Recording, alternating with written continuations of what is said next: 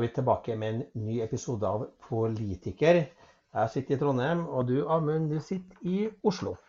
Jeg sitter i Oslo eh, og følger med på det som foregår rundt om i verden fra, fra dette. Og så må vi jo, vi, vi, har jo spilt inn et par sånne studioepisoder, og vi må ha en målsetning om å, å, klare å få gjort det mer nå som du er snart ferdig som fylkesordfører og kan eh, reise litt mer.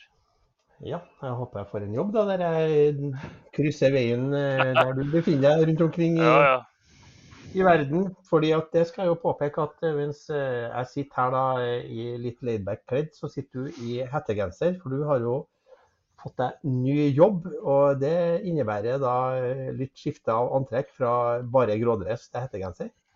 Jeg har forstått det sånn. Jeg har fått meg jobb i et selskap som heter for Data Sciences, hvor jeg er ansvarlig eller sjef for Europa. da. Uh, og det er jo masse sånne koder og og sånn digitalfolk, og de går med hettegenser. Så det har jeg jo fått beskjed om at jeg må gjøre litt av når jeg er på kontoret der. Nå er jo hovedkontoret der i Montreal, så det er ikke hver dag jeg er innom der. Eh, så jeg kan jo antageligvis snike meg til og komme til å grådress innimellom her. Så det blir litt sånn omvendt fra, fra det var under pandemien, at jeg har på meg dressbukse og hettegenser på toppen for å, for å passe inn i, i Teams-møtene. Men så har jeg jo, eh, jeg har jo eh, fått meg to jobber. Da. Så jeg er jo også eh, seniorrådgiver i Eurasia Group, som er et politisk, globalt politisk analysebyrå. og Der eh, har jeg fått med meg at det er litt mer grådress ute og går. Da. Ja, og uh, Eurasia Group og Data Sciences, hva, hva driver dere med? da? Nei, Data Sciences driver med analyse, meningsmålinger, eh, markedsanalyse, eh, budskapstesting, digital markedsføring og kampanje. Eh, det er jo et selskap som opprinnelig ble starta av dem som drev Justin Trudeau sin valgkamp i 2015. Og så har det på en måte vokst ut fra det. Så det er eh, en god del eh, kunder i, i politiske partier rundt omkring eh, i, i, verden. Og så er det en del privat sektor-kunder også. Så for min del så blir det jo spennende å jobbe både med, med politiske kunder, men òg med med kunder i privat sektor. Så det blir en spennende liksom, ny, ny, opplevelse på det. Å dekke eh, stort sett hele Europa. Da. Så litt i Norge, Storbritannia, Frankrike, Tyskland og andre steder. Uh, ja. Og Eurasia Group? Eurasia Group er jo et politisk analyse, politisk risikovurderingsbyrå. De er globale. De har hovedkontor i New York. Mitt nærmeste kontor er London, men sånn i hovedsak så vil jeg reise rundt i Europa på besøk til kunder på konferanser og sånn eh, der. da. Så Neste uke så skal jeg til Berlin på en konferanse om kritiske mineraler f.eks., som ble veldig spennende. Ja, og du har jo faktisk også vært eh, på besøk på hovedkontoret i Data Sciences. Du har vært på tur til Montreal, og der var du jo også på noe som kalles for Global Progress. Eh, hva er det for noe? Ja, Global Progress er et årlig eh, seminar som eh, konferanse da, som arrangeres i Montreal eh, i samarbeid mellom en tenketank som heter for Canada 2020 og eh, Center for American Progress, eh, som, eh, som, da kalles for Global, Global Progress. Som er samler på en måte progressive partier og aktører da, fra, fra, Europa særlig og Nord-Amerika og er det sånn progressiv verden, egentlig. Nå sist så var Forrige helg så var Keir Starmer der, og Jonas Gahr Støre var der. Eh, Jacinda var der. Magdalena fra Sverige var der. Du må si ikke med Jacinda, ja da. Det vet Jacinda, nylig avgått statsminister i New Zealand. Som satt i en periode, tok over med, med storm og har gjort det eh, ganske bra, egentlig. Men så eh, trakk seg for å fokusere på familie og andre ting nå Eh, for ikke så lenge siden. Eh, og så var Tony Blair var jo der, tilbake fra i hvert fall nærmere eh, inn i varmen. Etter har jo vært en omstridt figur i progressive kretser i, i, noen år. Men det er jo utvilsomt en kapasitet som det er fornuftig å, å, å trekke til seg. Og Justin Trudeau var der som, som vert for, for samlingen. Da. Så kjempespennende gjeng da, og utrolig mye spennende diskusjoner. Men hva, tema, liksom, hva er temaet i de progressive partiene nå, da, når de møtes? Ja, hovedtemaet nå er jo altså, Det er jo en svært urolig verden. Det er krig i Europa med, med Russlands uh, invasjon av Ukraina, som åpenbart fyller fyller mye. Eh, så er det jo det er på en måte en del, altså internasjonal politikk.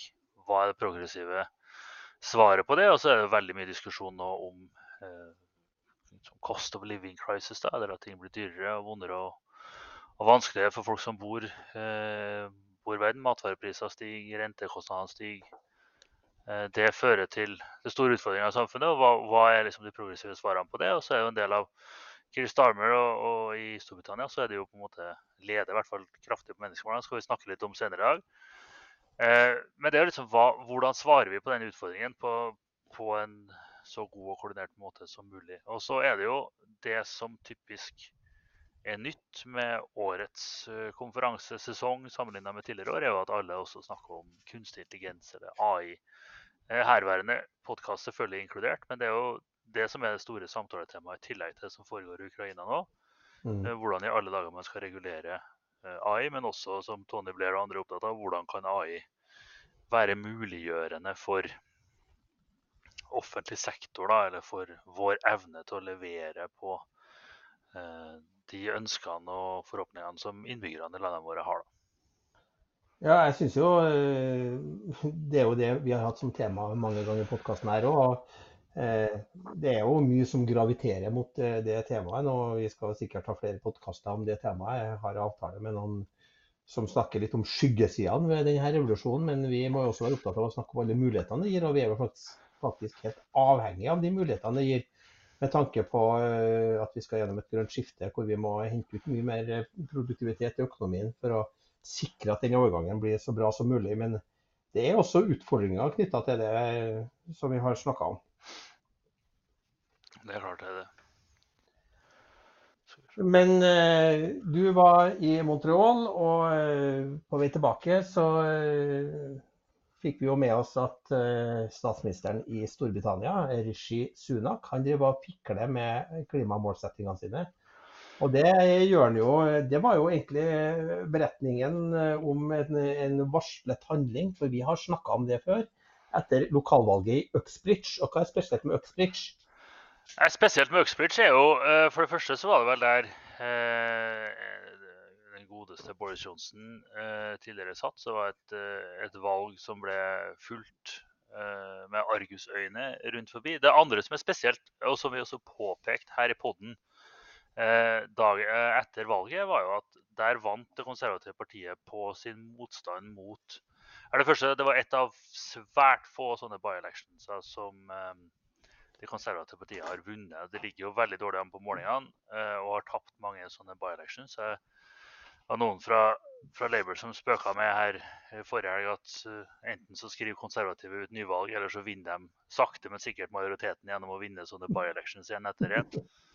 Uh, men det var et de vant, de konservative, og det vant de på motstand mot de konservatives egen politikk, egentlig, eller på denne, disse nullutslippssonene rundt rundt London som fører til økte transportkostnader, noe som eh, Boris Johnson har vært veldig tilhenger av, eh, og som for så vidt eh, Sadiq Khan, ordføreren i London, har støtta. Men det er jo i grunn en policy som har kommet fra de konservative. Men det kjørte de lokale kandidatene der, kandidaten mot, og vant mye pga. det. Og da snakka jo vi om på denne poden at det For det rett etter det så var jo også Sunak litt sånn flakkende i blikket på, på sin støtte til dette om det kunne være starten på en slags sånn nyorientering fra de konservative for eh, å slå en sånn kile inn i, i Labour på, på, den tematikken. Og det ser det ut som vi har, har, fått nå, da. Ja, for hva er det Rishi Sunak har sagt? Han, har, han sier at han fortsatt skal ha net zero i 2050, og, og det er fortsatt enighet om det. Men det som har vært spesielt med Storbritannia, at de har jo vært veldig fremoverlent. Bare det har vært tverrpolitisk enighet om det. Boris Johnson brukte COP-møte i, Skottland, i Glasgow, til å være veldig offensiv knytta til å nå klimamål og sette høye klimamålsettinger. Eh, men nå har Sunak da begynt å, å deale litt med akkurat eh, de målsettingene. Eller ikke målsettingene, men med tiltakene som må til for å nå de målsettingene. Det er det han har gjort, og det er jo særlig noen som han har valgt seg ut av. Det er dette forbudet mot omsetning av nye eh, biler med forbrenningsmotor fra ut på 30-tallet. Eh, og det er forbud mot uh, gassstøv på en måte, fra, fra ut på samme tida. Det er vel sånn, eh, Gasskjeler er det vel egentlig? Gasskjeler, ja. Ja, I Storbritannia si det, så brukes jo veldig mye gasskjeler til oppvarming eh, av hus, også med vannbåren varme, og så brukes det til varmtvann. Eh, det er jo det som er litt forskjellen på Norge og andre land, at her bruker vi strøm til å varme opp husene. I Storbritannia og i flere plasser på kontinentet så bruker de gass til direkte varme. Og Der har ambisjonen vært at man skal da fase ut disse gasskjelene, eller man skal installere varmepumper i stedet. Mm. Og Det var det han driver og dytter på. blant annet. Sånn, så det er jo typisk på ting som, som treffer vanlige folk. da, At han, eh, at han har liksom, indikert at her skal man løfte litt på Slippe opp litt på ambisjonsnivået. Til altså, unison idiotforklaring fra eh, liksom, høyt utdanna eh, folk, NGO-er, eh, klimaentusiaster, en god del av sitt eget parti. Det er jo som vi sier, Tore, Her har jo det konservative partiet vært eh, helt på linje egentlig med med Labour og andre på at det er viktig å gjøre disse klimatiltakene. Eh, men her ser man altså drevet av, eh, av politiske årsaker, så har man valgt å, å, gå litt andre veien. Så det har vært sånn unison fordømmelse på det.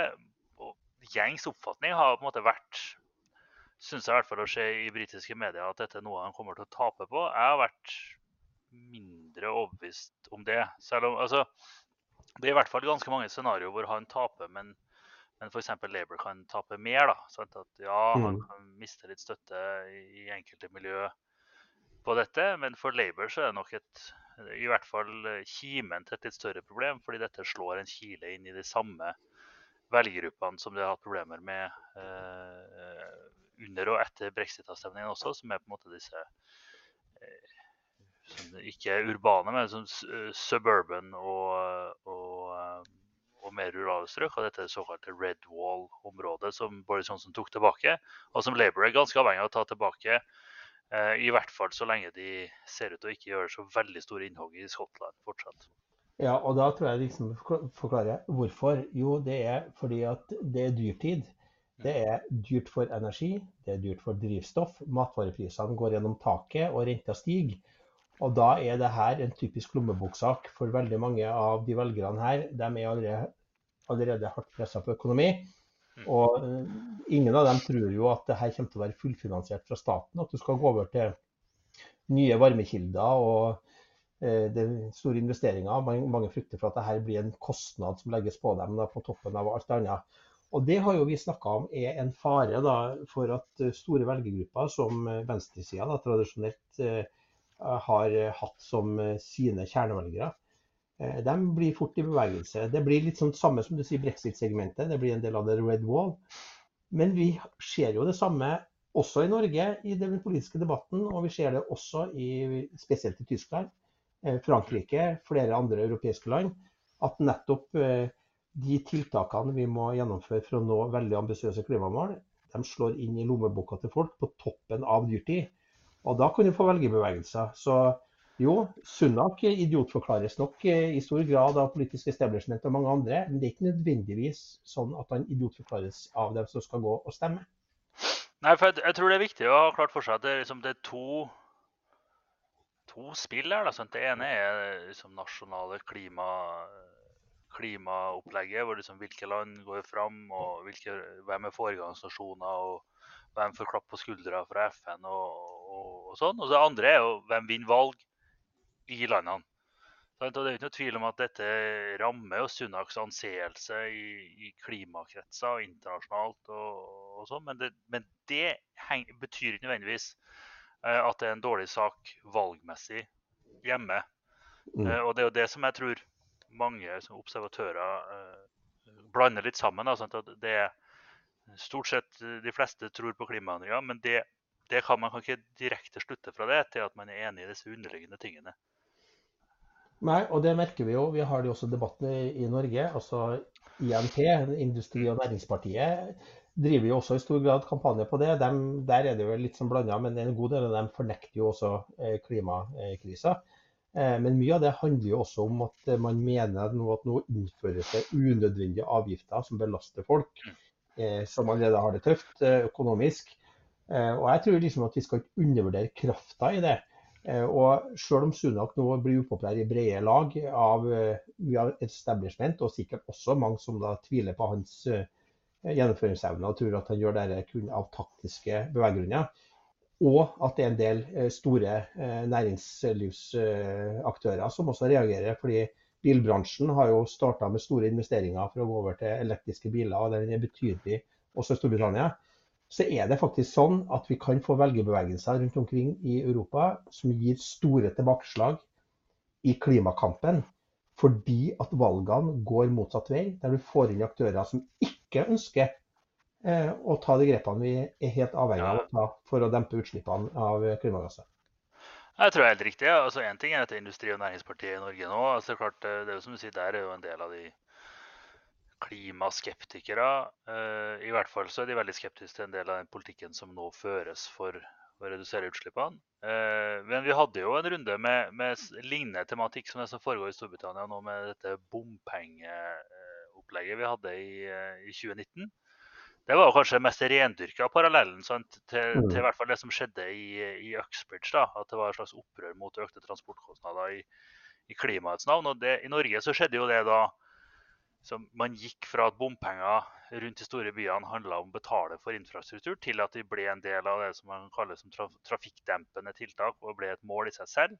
Eh, og da begynte det å boble eh, en del ting politisk som ble veldig vanskelig i de, i de fleste store byene, egentlig. Men særlig så ble dette en, en sak i Bergen og Stavanger. Eh, kunne blitt i Drammen hvis ikke eh, den daværende regjeringen hadde, hadde endra på det.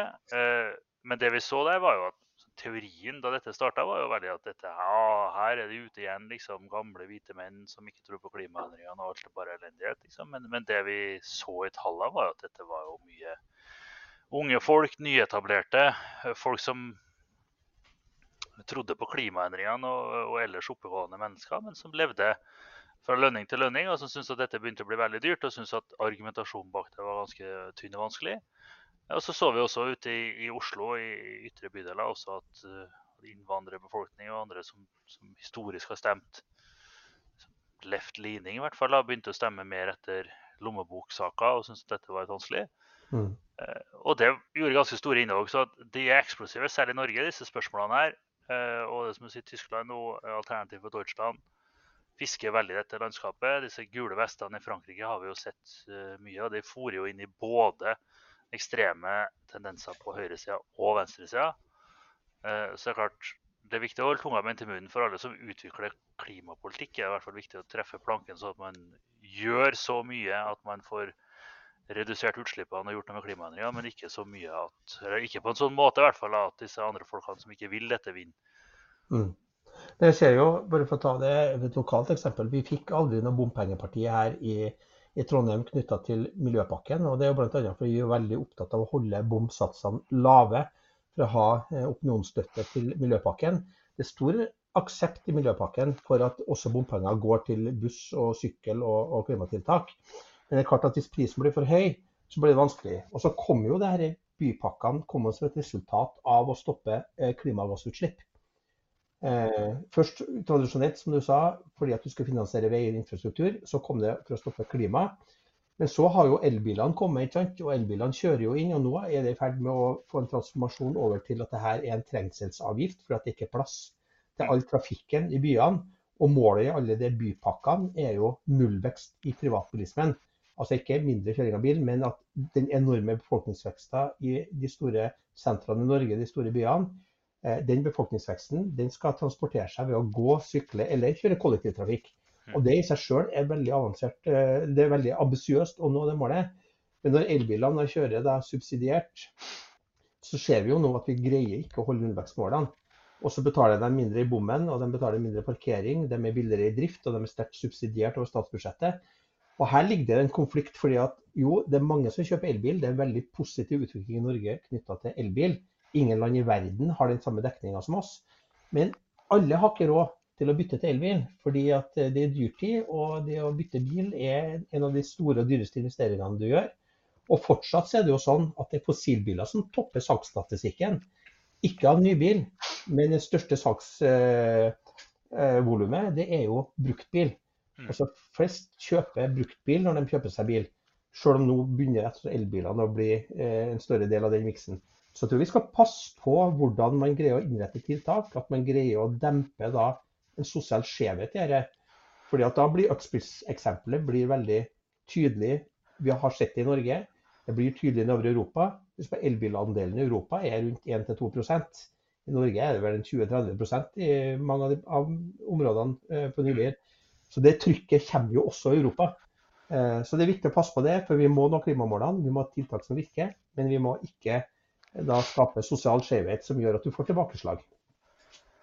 Jeg tror det, også, så tror jeg nå at, litt som du sier, at dette er jo helt klart en taktisk manøver fra, fra Sunaks side. og så, så, kan man jo le av det og si liksom ha-ha, en taktisk manøver. Men taktiske manøvrer kan hende jo av og til at de er taktiske. da. Mm. Og at, eh, hva er dette spillet på? Jo, altså, det spiller jo ikke nødvendigvis på et policy-univers hvor Sunak mener at det er kjempeviktig å, å redusere målsetningene på, på sånne boilers eller på, på utfasingen av fossilbiler. Men det handler om hva er de konservatives lesning av den koalisjonen som Labour er avhengig av å samle for neste valg. Sant? Så de mm. kan tåle litt smerte på sin side av streken eh, hvis det sprenger koalisjonen på andre sida. Og, og, typisk Arbeiderparti-koalisjoner består av en gjeng som er liksom die hard venstreside eh, sosialdemokrater, og som synger arbeidersanger og kjører på, liksom. Og så har man en del av dem som er typisk arbeiderklasse, som i grunnen ikke er spesielt venstreorienterte, men som er opptatt av arbeiderklassens vilkår. Eh, fordi, og stemmer Arbeiderpartiene fordi at typisk Arbeiderpartiet har hatt det beste tilbudet til arbeiderklassen opp igjennom. Eh, og i disse sakene som handler om sånne ting som transportkostnader, så oppstår det en spenning internt i Arbeiderpartiene fordi at det er en spenning mellom det man ønsker politisk, som er å redusere utslippene, og det man representerer, som er folk som lever fra lønning til lønning, og som nå har det ganske trangt. Og Hvis man da havner i en sånn situasjon hvor høyresida, ytre høyre og, og mer sånn normalhøyre får til å sette, en, sette Arbeiderpartiene i en sånn knipetaksmanøver rundt økonomiske rammene til, til arbeiderklassen, så kan det bli en splittelse eller koalisjon. Og det, sånn som det virker på meg, så ser det ut som det er der Rishi Sunak det er det han prøver å få til med dette. Og da er det i hvert fall viktig å ha med den delen i analysen, og ikke mm. bare analysen av hvordan dette slår ut for han og hans parti. For det kan være vondt og vanskelig for dem, men det kan bli vondere og vanskeligere for, for motstandere. Men jeg kan si Labour leder jo stort på målingene. Eh, og ja. da blir det Jeg vil i hvert fall følge med spenning hva responsen blir. For Keir Starmer har jo vært veldig opptatt av at eh, du ikke skal ha et grønt skifte som rammer vanlige folk, eh, selv om de har veldig ambisiøse klimamål. Mye tøffere enn man har i, hos Torjan. Så spørsmålet er hvordan responderer de? Har du hørt noe om det? på hvordan responsen blir? Jeg synes Det virker som de, de i utgangspunktet har lyktes med å, å flytte klimapolitikken sin litt mer i retning av ja, Vi snakka jo med, med John Podesta her Eh, tidligere i poden. Altså at man flytter det i retning av ting som er mer som orientert rundt hva, hva blir bedre, få skaffe investeringer, kontra forbud og, eh, og nedstengninger. Og det tror jeg er bra. Sant? Og, mm. og han godeste Kiel Stammer har vært ute og sagt som du sier, at hvis man skal ha en sosialdemokratisk klimapolitikk, handler ikke om å gjøre ting vondere og vanskeligere for, for arbeiderklassen. Men det som er et klassisk Arbeiderpartiproblem, er jo på en måte at man har typisk en medlemsmasse og en aktivistgruppering som er mye mer utrert enn si, velgermassen. Så, så for, for, ledelsen i Labour i Storbritannia så blir det her en sånn balansegang som hvor man er avhengig av å treffe riktig. Og så syns jeg de har truffet ganske bra til nå. Sant? Og så gjenstår det å se hvordan Rishi Sunak har tenkt å sette dette ut i live, og hvordan da Labour responderer på det. Men det er som du sier, de har jo 20 prosentpoeng eh, ledelse som er trygt selv så Det er i hvert fall en, en betydelig ledelse selv for, selv for et Arbeiderparti. Eh, men det er jo akkurat når man leder stort at man kan være, i hvert fall være påpasselig med å ikke ta for lett på sånne ting som kan se ut som desperasjon eller liksom overdreven taktisk manøvrering fra, fra motstanderen, og tenke på liksom hvordan kan dette slå ut.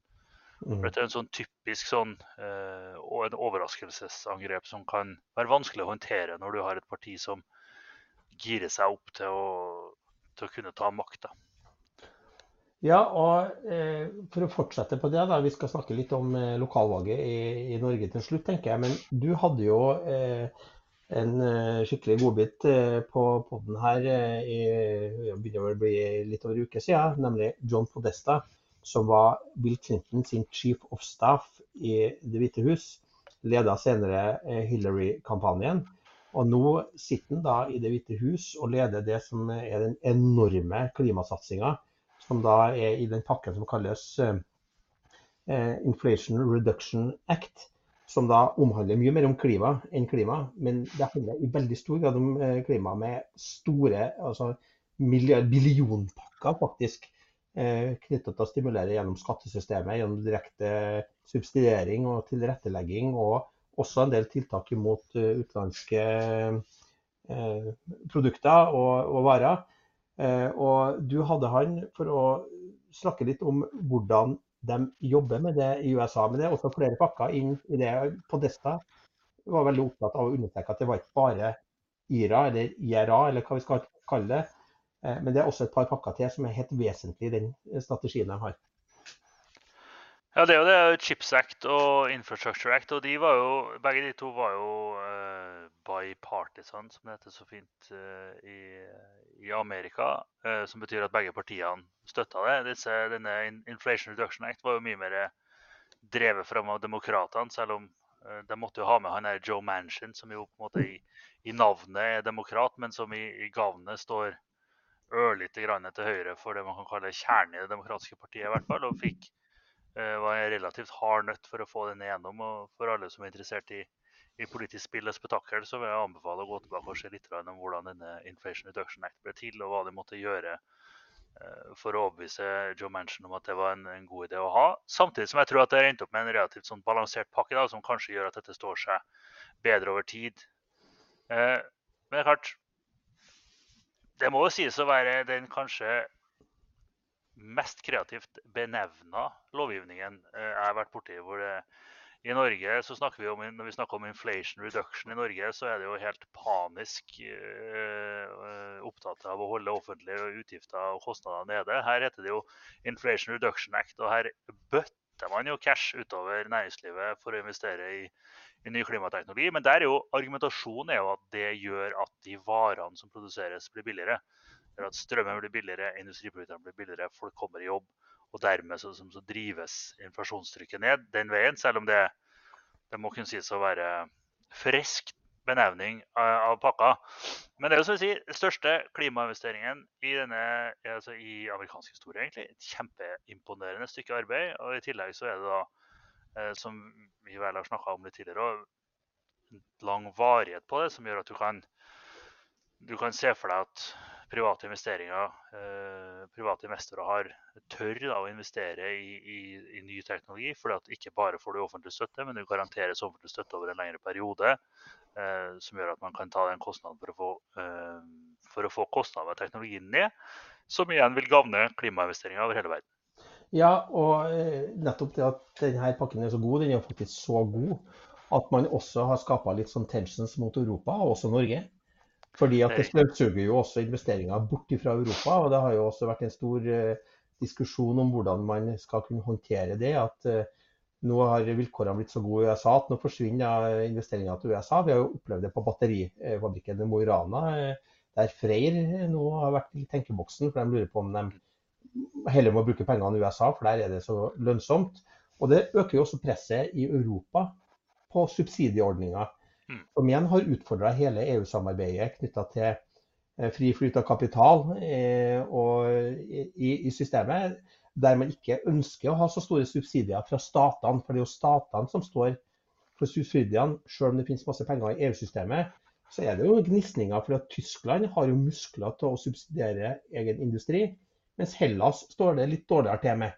Mens det kanskje er større arbeidsledighet i Hellas enn det er i Tyskland. Så du får spenninger innad i EU-samarbeidet også av det. Og det har det jo kommet til uttrykk i at Europa har vært litt skeptisk eh, til USAs da, eh, ja, tøffe subsidiepolitikk og da favorisering av amerikanske selskap.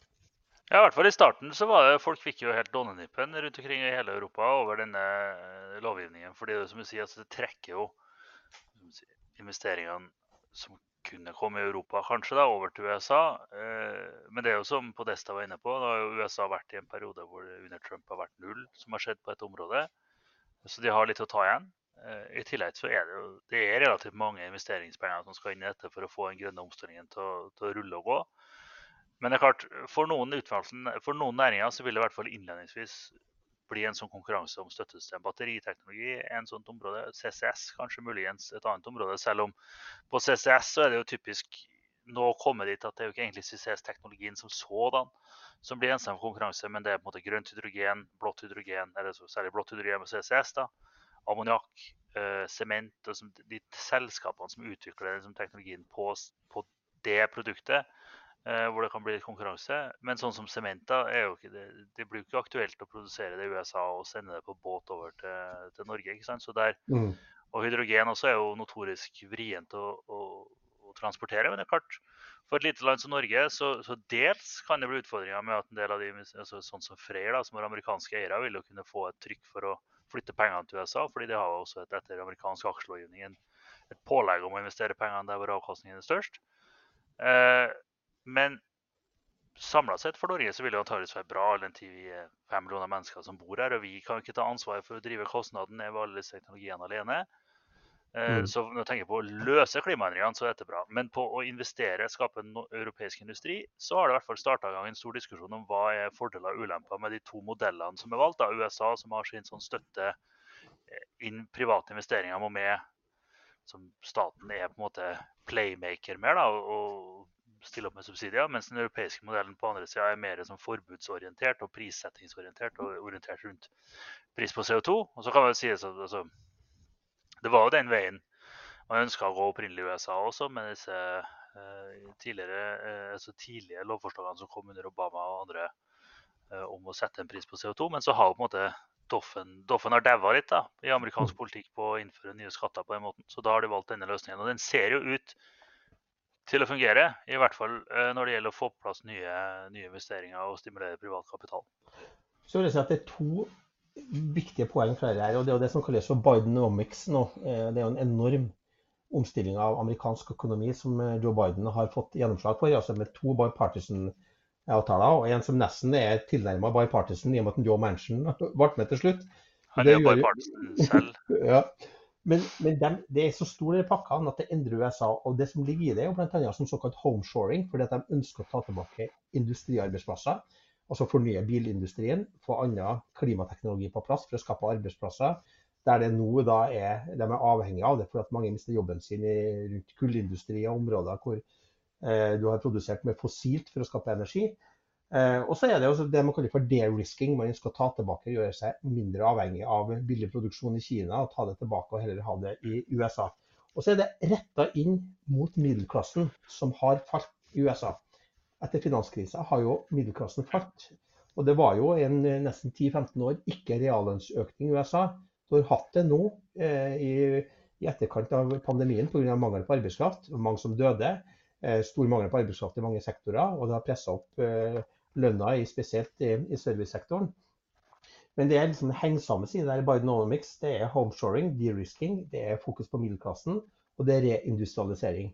Og Det Biden håper på, er jo gevinst av det her, at det her virker så godt før valget at han skal kunne klare å vinne da, eh, second term eh, når han går til valg. Det kan vi snakke mer om. Men det er et annet poeng også, som eh, Podesta var opptatt av, eller som du også spurte om. Det var at det her er jo en enorm stimuli til bygging av vindkraft, til solkraft, og ikke minst bygging av nett, sånn at den nye fornybare elektrisiteten kommer fram. Og Der har jo de hatt den samme krisa som vi har hatt i Europa og Norge. At det er krevende å bruke natur til å lage energi og transportere energi. Det er mange som har meninger om vindmøller, om hvor ledningene skal gå og eh, hvordan plass det tar. Eh, og Der var jo også Podesta veldig offensiv på hvordan man jobba med det. og Kanskje mer offensiv enn vi kan være i Norge. Ja, jeg tenkte jo det at uh, altså vi, vi, har jo en sånn permitting crisis i Norge òg. I Norge så heter det konsesjonstid. Uh, eller konsesjonsbehandlingstid. Og den er jo helt fjollete lang for uh, investering i ny kraftproduksjon eller nettkapasitet i Norge. Og dermed indirekte også for å etablere ny industriproduksjon enkelte steder. Så Der hvor det er nok kraft i nettet, så går det fort. Og der hvor det ikke er det, så må du vente på veldig, til dels veldig langvarige prosesser for nett på, på, flere nettnivå, men også på nyproduksjon. Og der, Det han snakka om, er jo at statsministerens kontor da, på en måte i en parlamentarisk kontekst griper inn og legger trykk på underliggende etater for å få ting til å gå raskere. Og det, jeg tenkte jo når han sa det, at liksom, jeg er litt usikker på uh, hvor flyvedyktig det ville være oppi altså, Det er ofte en grunn til at ting er kontroversielle. da, sant? I Norge så mm. handler det ofte om reindriftsinteresser eller lokale interesser eller eh, valg av tjenestevei og, og forskjellige sånne ting. Og at statsministeren skulle plutselig dukke opp i de diskusjonene, jeg er litt litt usikker på hvor konfliktdempende det ville vært. i hvert fall. Eh, men det er jo helt åpenbart at det vi kan lære av det, er jo i hvert fall at man må, man må bruke alle virkemidler alle verktøy i verktøyskassa for å få dette til å gå raskere. For det er klart, det fungerer ikke i dag. Og, og, det blir en massiv flaskehals eh, for det grønne skiftet. Eh, og for de tingene vi, som vi trenger for det grønne skiftet. For at det skal vi er litt avhengig av at insentivene altså Offentlig sektor, typisk myndighetene, setter jo veldig sterke investeringsinsentiver for ny klimavennlig industriproduksjon og ny energiproduksjon og sånn. Eh, på den ene sida, og så lager man jo masse tidkrevende prosesser på den andre sida som på en måte nuller hverandre litt ut. Mm. Eh, og, og, hvis dette skal flyte som det skal, så må man jo over hele Europa og USA klare å gjøre noe med den tida det tar. da. Og Det vi ikke snakka så mye på Desta om, men som også er et kjempeproblem i USA, er jo alt som går over statsgrensa, delstatsgrensa. Mm. Eh, hvor du får sånne ting som at nå er det nesten umulig å få nett over, landing, over delstatsgrensene. Eh, så du får stater som posisjonerer seg som hvor, hvor, det satses mye. Texas for eksempel, er en stat som det satses veldig mye, mens andre stater der, der, der har du andre og store problemer hvor du får for lite strøm. Så, så det, det, blir dysfunksjonelt. og Europa risikerer jo også at man får en veldig sånn suboptimal utrulling av dette. og Særlig når det gjelder nett. da, sant? Tyskland mm. er et eksempel på det, hvor du har veldig mye fornybar energiproduksjon i nord. Og ganske mye tung industri i sør. Også I motsetning til Norge så har Tyskland valgt å ha én pris på hele dette området. Mm. Som basically innebærer at man massivt subsidierer uh, industrien i sør fra, fra, nord. da, Som heller ikke kan sies å være en uh, bærekraftig modell. Et eksempel der er jo Bayern-regionen, som er den ja. tyngste industriregionen i Europa, og som da er på en måte Europas eh, hjerte når det gjelder økonomisk utvikling på mange måter, med enorme petrokjemiske industribedrifter. Der har de jo lenge vært veldig mot vindmøller. De har vært imot det som de kaller også der monstermastet. Mm. De var totalt avhengig av russisk gass.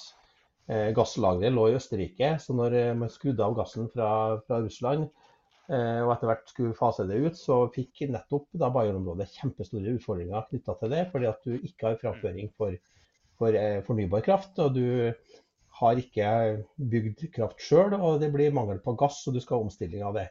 Så den spenninga ligger jo hos europeisk, europeisk, politikk. Så det er en veldig interessant samtale med Podesta. Jeg må berømme deg for den. Det ga noen perspektiver. Jeg tror også det er greit å vite at eh, Eh, våre hjemlige problemer dem er ikke vi alene om, men det sier også noe om at eh, det grønne skiftet blir krevende. Eh, fordi vi har også en naturkrise der vi skal ivareta natur. Og det er to størrelser som kommer til å stå opp imot hverandre. Også når det gjelder tilgang til mineraler, metaller og sjeldne jord jordarter som krever gruvedrift, hvor det er svært lite stemning for det i Europa.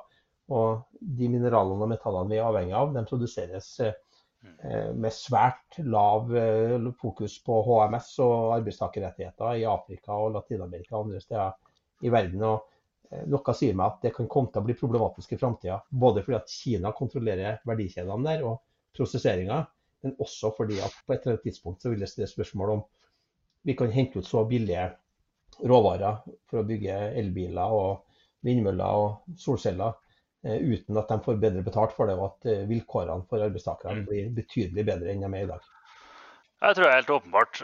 Og det, det, vi gjør nå parallelt, er at vi både skal deriske eh, fra å ha mye kinesisk i verdikjedene, og vi massivt øker etterspørselen etter eh, kritiske mineraler. Og de to tingene sammen krever i hvert fall en helt annen samtale om eh, hva vi gjør på, på mineralsida. Nå er det jo mange store, tunge vestlige selskaper som går inn i Brasil og Sør-Amerika i store gruveprosjekter fordi de ser det samme som du sa nå, da, sånn at mineraletterspørselen går veldig opp. Sant? Eh, men skal vi klare oss uten eh, kinesisk dominans, så er det altså investeringer også i Europa av en skala som er eh, veldig stor.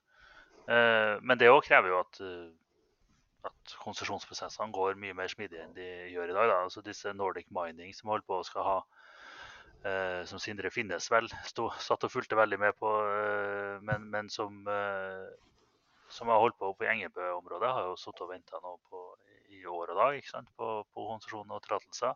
Og sånn er det rundt Det tar veldig lang tid å få tillatelse til noe som helst, men vi har et veldig stort behov for de mineralene. Mm. Så noe må skje med den prosessen.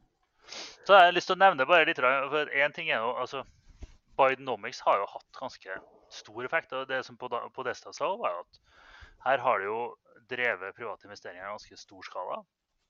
Eh, men det er en mismatch. da. Nå, nå har det jo merker jo vi, vi, skal jo inn i dette amerikansk politikkekspertsporet eh, etter hvert, vi og Tore, i denne podkasten. Det som jeg så nå, at det kom noen tall ut fra, fra USA siste uka som var veldig spennende. Det ene er tallene på økonomien. Altså uh, disse Center for uh, Budget and Policy Priorities de viser at det er skapt nesten 27 millioner nye jobber på litt over tre år under Joe Biden. Som er, helt, uh, som er ganske massivt. Det er en ganske mm. ekstraordinær økonomisk opptur. Men så, så vises det også at Biden og administrasjonen har ikke fått gjennom det budskapet. Så selv om økonomien i USA går så det suser, det, det er en ganske sensasjonell opphenting etter en pandemidrevet depresjonen som var, eh, så mener altså 51% av amerikanske befolkningen at økonomien fortsatt er i forverring. Mm. Så ikke bare at det ikke er bra nok, men at det fortsatt blir verre. Så, så, det er en sånn rolle som presidenten har, som er på en måte explainer in chief. da, mm. At du må på en måte forklare hva som skjer og hva som foregår, som, som ikke fungerer. Så det er liksom Biden er, og Bidenomics fungerer som ei kule. Bidens økonomiske politikk og, og klimapolitikk går ganske bra. Men det er altså et budskap som det virker å være lettere å forklare til europeiske podkastverter enn til den amerikanske befolkningen. Og der, der, er det i hvert fall en, en, mismatch som blir veldig spennende å følge fram mot uh, det amerikanske valget senere. hvor liksom, Om du får en sånn situasjon hvor den politiske diskusjonen blir helt frikobla fra de forholdene som er mm på bakken. Da, hvor ja. IRA er en veldig viktig del. Ja, og der tror jeg også kanskje at det som er viktigst for folk, der, det er jo what's in it for me. Eh, og det er jo stor skute å snu, så det viktigste er jo om man greier nå å snu at man jo får da eh, reallønnsvekst. At folk opplever det for det bedre. Og det har vi jo fått, men så er jo den spist opp da, av høye matvarepriser, energipriser, mm. og ikke minst at renta har gått opp. Eh, så det er jo denne dobbeltheten man står i. at Folk eh, ser jo ofte utsynet fra seg sjøl, og ikke minst at de leser i, i, media som da er veldig biased og profilerer på at her eh, er det ja, Ser du Fox, så går alt til helsike. CNN er kanskje litt mer positiv, og så ser ikke folk på samme, samme kanal. Så det ligger jo også underliggende. Så det blir uhyre interessant Og så følger jeg også enkeltstater, og ikke minst stater der du nå har reindustrialisering. Du bygger jo ny industri knytta til IRA, infrastrukturpakken og også Chips Act, som da går på å bygge mer mikrochips i USA, hente hjem det.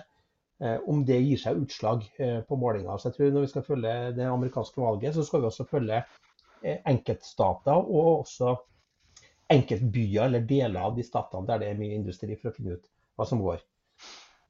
Men det har vært lokalvalg i Norge, og vi hadde, en, vi hadde jo en analyse der vi gikk gjennom hele landet på forhånd. Og med optimistiske sosialdemokratiske øyne så drev jo vi da og satsa og håpa på å krysse fingrene for stang inn. Men vi må kanskje oppsummere nå da at i, det store og det hele så ble det veldig mye stang ut. Ja, altså det var, så, det var et begredelig valg, altså. Um, og, og, det er jo en ubehagelig følelse å ha vært for positiv òg. Samtidig så er jo forskjellen på å spå stang inn og stang ut er jo forholdsvis marginal. Sant? Så selv om det etter analysen er sendt av gårde, så er det forskjellen på geni og idiot kan vise seg å være veldig liten. Eh, men det gikk jo stang ut ganske mange steder. Viste seg å være ganske krevende valgresultat. Hun har mista eh, tilsynelatende i hvert fall ordføreren veldig veldig mange steder og i en del store, store byer det er nytt for meg å prøve å være positiv og, og optimistisk, men, eh, men, det er Jeg mener jo at der de tallene og utviklingen gjennom valgkampen viste jo at det var grunnlag for forsiktig optimisme. Eh, men, eh, ja, men så ble det stang ut, da. Mm. Ja, alle, som har, alle, som har, skutt en fotball mot et mål, vet jo at det føles jo det er vanskelig å se før den treffer stanga, om det blir stang ut eller stang inn. Men det, men det må vi bare konstatere at det ble. Ja, vi taper jo bl.a. Trøndelag. Her er avtroppende fylkesordfører. Der har Senterpartiet de har skifta sengepartner og gått til Høyre og Fremskrittspartiet og skaffet seg fylkesordførervervet. og Eh, I Trondheim er det fortsatt uavklart. Der eh, er det sånn at det er to fløyer. Der er vel si at Høyre har en liten ledelse. De sitter sammen med en bred allianse som har et slags flertall, men ikke et avklart budsjettflertall i perioden. Eh, det samme kan vi faktisk si om, om Trøndelag fylke. Vi ser også at er, vi tapte jo Stavanger med 60 stemmer. Uhyre bra valgkamp av Kari Nessa Nordtun. I Bergen er det kaos. Der har Høyre skifta mening etter å ha garantert hvor Bybanen skal gå for 14 dager siden så skal den kanskje gå en annen plass likevel. Og, vi, må bare, vi, må rett og slett få noen inn fra Bergen i podkasten til å forklare denne Bybanen-saken, egentlig. For den er Altså, det har jo ridd Bergen som en mare nå gjennom flere valg og flere perioder. Og er ikke Altså, du kan disse bypakkene bedre enn de fleste, Tore, etter å ha forhandla med staten i, i 20 år nå. Eh, men er ikke utfallet av dette hvis de nå bytter mening igjen, så går vel toget og forlater vel toget stasjonen, gjør det ikke? Jeg tror det blir i hvert fall krevende å overtale regjeringa til å komme med ekstraordinært mye penger. Og så er det jo sånn at man skal foreta opplyste valg, og da må man utrede. Og da må man utrede som man har sånne konseptvalgutredninger, kvalitetssikring. og Det kan man jo holde på med i flere valgperioder, det har jeg vært med på. Så det, det er vel fortsatt svar på at Bybanen kanskje da, har kommet så langt som den skal komme, da, hvis man starter nye prosesser igjen på det, og kanskje får et nytt flertall neste valg om fire år. Ja, Man sier jo ofte at, at, at, hendelser i politikken er tragisk eller dramatisk, men dette er det nærmest, det nærmer seg vel en sketsj etter hvert, etter denne diskusjonen om Bybanen. Ja, det er sant. Ellers har jeg fulgt fylkesvalgkampene eh, rundt omkring. og eh, Der har det også vært både litt stang inn og stang ut. Det var stang ut dessverre i, i Nordland for oss. Jeg har ikke fått med meg om Finnmark og Troms er avklart ennå. Eh, Trøndelag gikk det andre veien, i Møre og Romsdal gikk det gæren vei. I Vestland så er vi fortsatt i posisjon. I Rogaland gikk det gal vei. Eh, Agder gikk som forventa til Høyre. En populær eh, fylkesordfører fra Høyre der. Men så hadde vi også, tapte vi Oslo, dessverre. Buskerud gikk vel Jeg har ikke fått med meg hvordan det har gått ennå. Østfold vant vi til slutt. Innlandet tok vi til slutt. Eh, men jeg må jo også påpeke at eh, jeg har jo vært eh, mildt sagt ganske fortørna over denne oppsplittinga av de fylkene. Jeg tror kanskje vi skulle fokusere på innhold istedenfor struktur. At valgdeltakelsen gikk jo ned i alle de oppsplitta fylkene. Den gikk opp når de var samla, og den går ned når de er splitta. Altså, jeg tror jo det er lurt å holde seg med strukturer som er store nok til å kunne ta makt. Og det som har makt, det påvirker folks liv. Og det som påvirker folks liv, er det lettere å få folk til å gå og stemme på og ha oppmerksomhet om. Mm. Så eh, ja, jeg håper vi er ferdig med eh, frem- og tilbakekjøring knytta til struktur. Det, det, tar mye krefter, og det, det, påvirker ikke folks liv i nevneverdig stor grad den ene eller andre eh, veien. Vi må fokusere på politikken.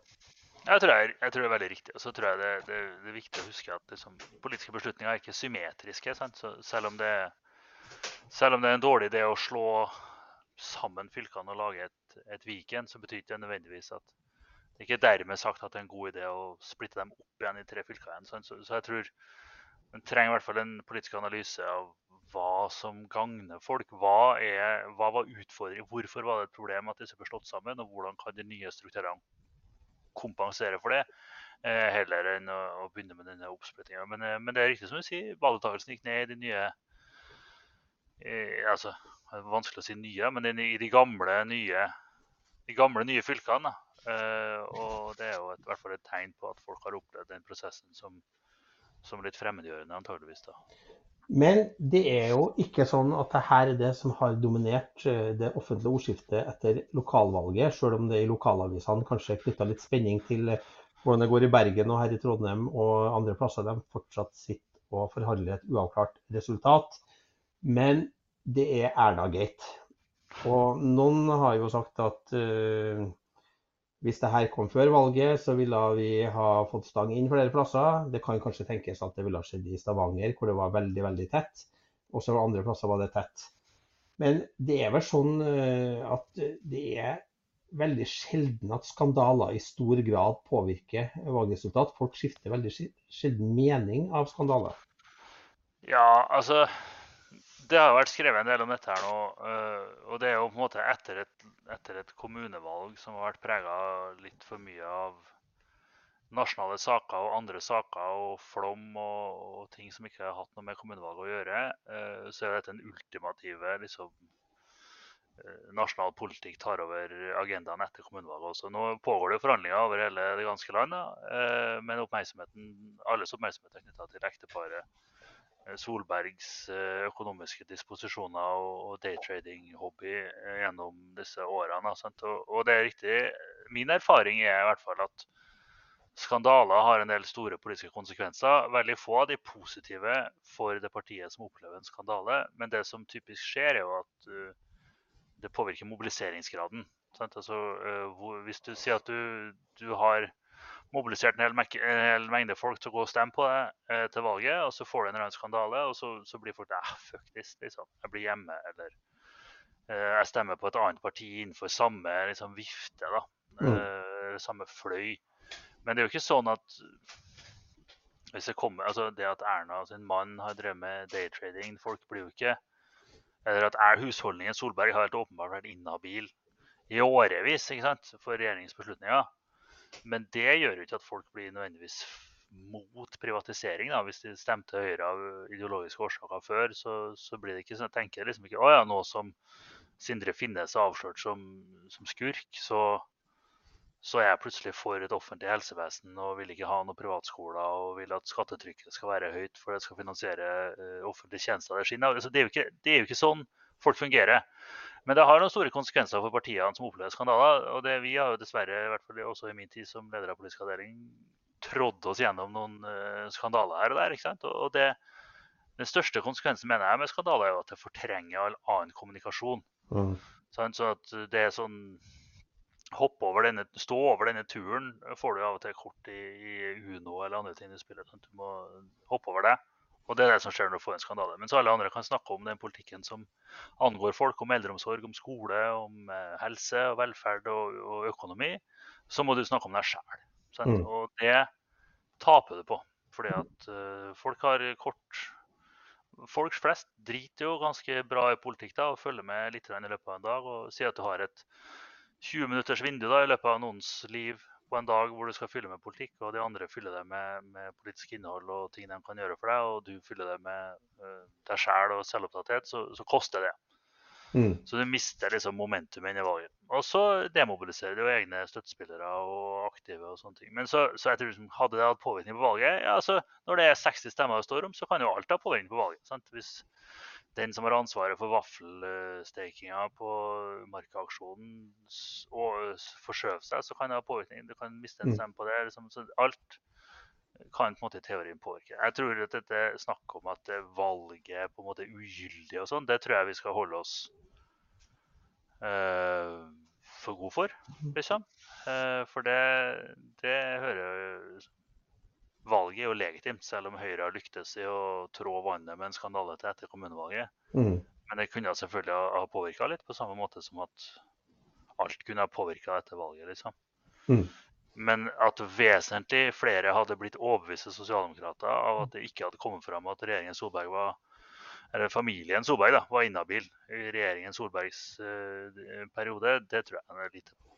Så lærdommen må være at vi må fortsatt fokusere på politikk og egen attraktivitet mer enn andres ulykke. Det er vel det som er det viktigste eh, når man ja. da skal se framover og riste av seg da, et uh, fryktelig valgresultat. Uh, ja, altså, jeg mener, det er helt lov. Altså, det er helt lov å synes at det er noe skikkelig dritt at ikke media lykkes i å sprekke denne skandalen før valget. Altså, Det må jeg gjerne mene.